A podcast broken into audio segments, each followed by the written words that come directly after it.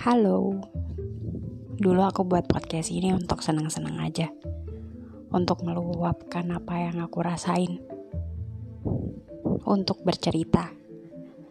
Karena ternyata gak semua hal bisa kita ceritakan ke semua orang kan? Hari ini aku memberanikan diri untuk menulis surat surat untuk kekasih pertamaku. Dia yang mengajarkan aku membuka hati, yang mengajarkan aku berani untuk jatuh hati. Dia yang membuatku tak takut untuk melangkah.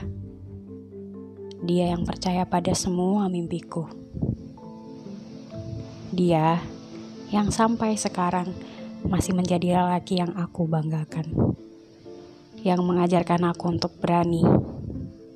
Dan semoga aku mendapatkan keberanian itu lagi.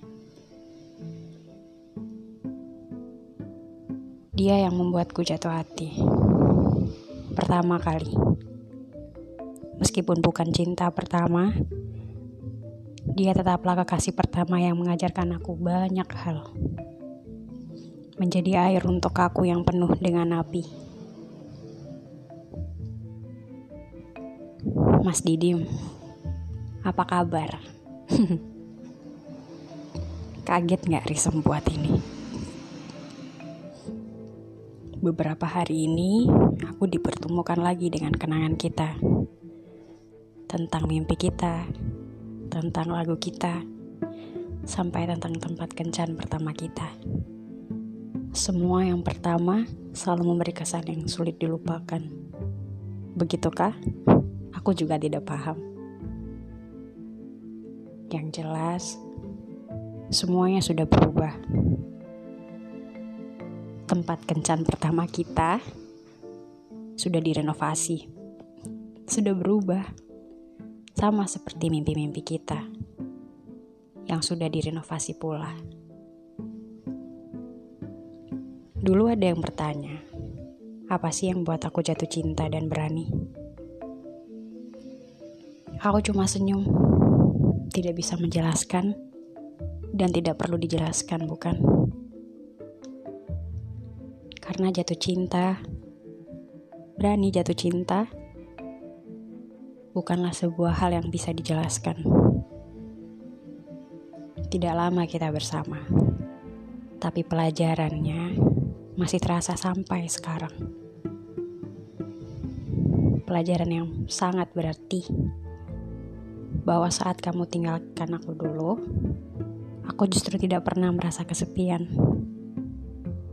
kamu berhasil menghadirkan banyak teman. Kamu yakinkan aku bahwa banyak banget yang sayang sama aku. Dengan caramu, aku justru merasa semakin hidup. Mas Didim, apa kabar? Mungkin gak ya kamu dengerin podcastku?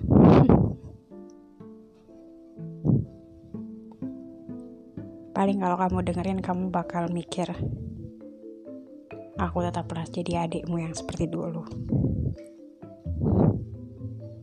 Karena seperti yang kamu bilang,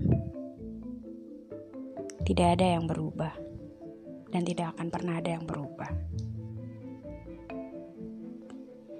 Risem cuma mau bilang terima kasih untuk keberanian yang pernah Mas beri untuk hal-hal indah yang meskipun sebentar tapi sangat berarti. Mas Didim baik-baik ya. Karena aku bisa baik-baik aja sekarang, juga karena keyakinan yang kamu tanamkan dari pertama kali. Aku akhirnya berani membuka hati. Sampai jumpa Mas Didim. Baik-baik ya.